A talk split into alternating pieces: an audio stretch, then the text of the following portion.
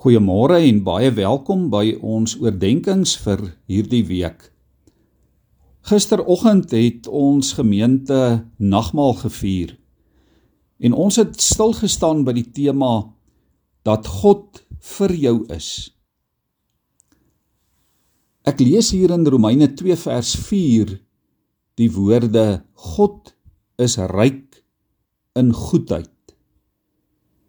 In die ou vertaling word daar op verskeie plekke die woord goedertierenheid gebruik. Dis 'n dis miskien vir ons 'n baie vreemde woord, veral vir die jonger geslag sal dit baie vreemd klink. Goedertierenheid. Wat beteken dit? Dit beteken dat God tierende is in sy goedheid. Dit beteken dat God se goedheid 'n aktiewe goedheid is.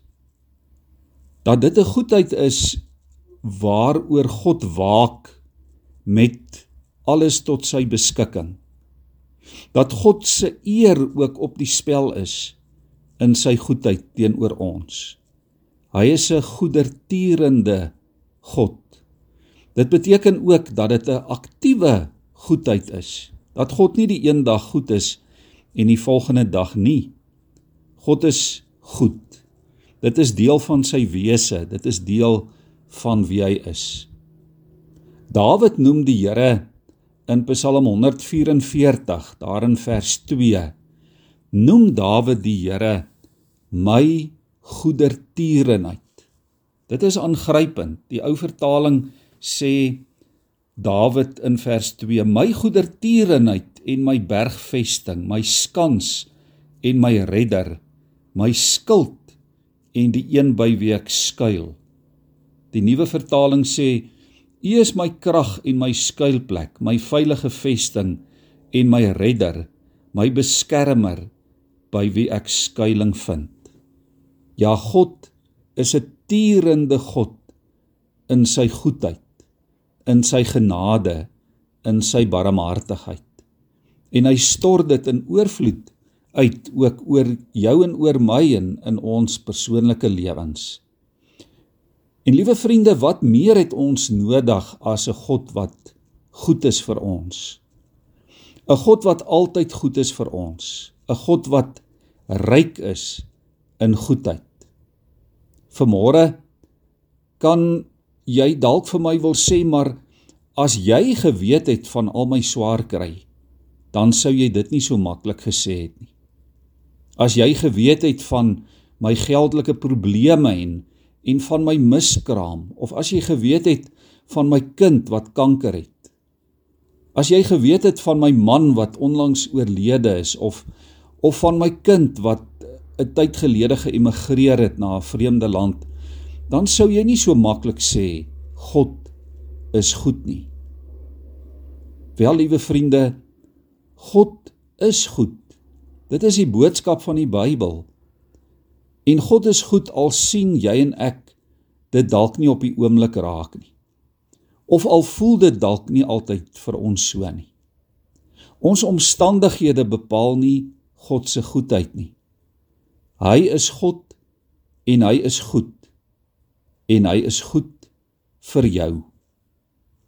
As ek hier in Psalm 34 lees, dan lees ek van 'n klomp probleme wat Dawid beleef het. Dawid se stryd, Dawid se angs, doodsgevare en moedeloosheid wat hy in die gesig moes staar wanneer hy vir Saul, sy aardsvyand, vlug. En ek sien Dawid sit ook maar met 'n groot porsie swaar en benoudheid. En tog vertel Dawid te midde van dit alles van die Here se goedheid.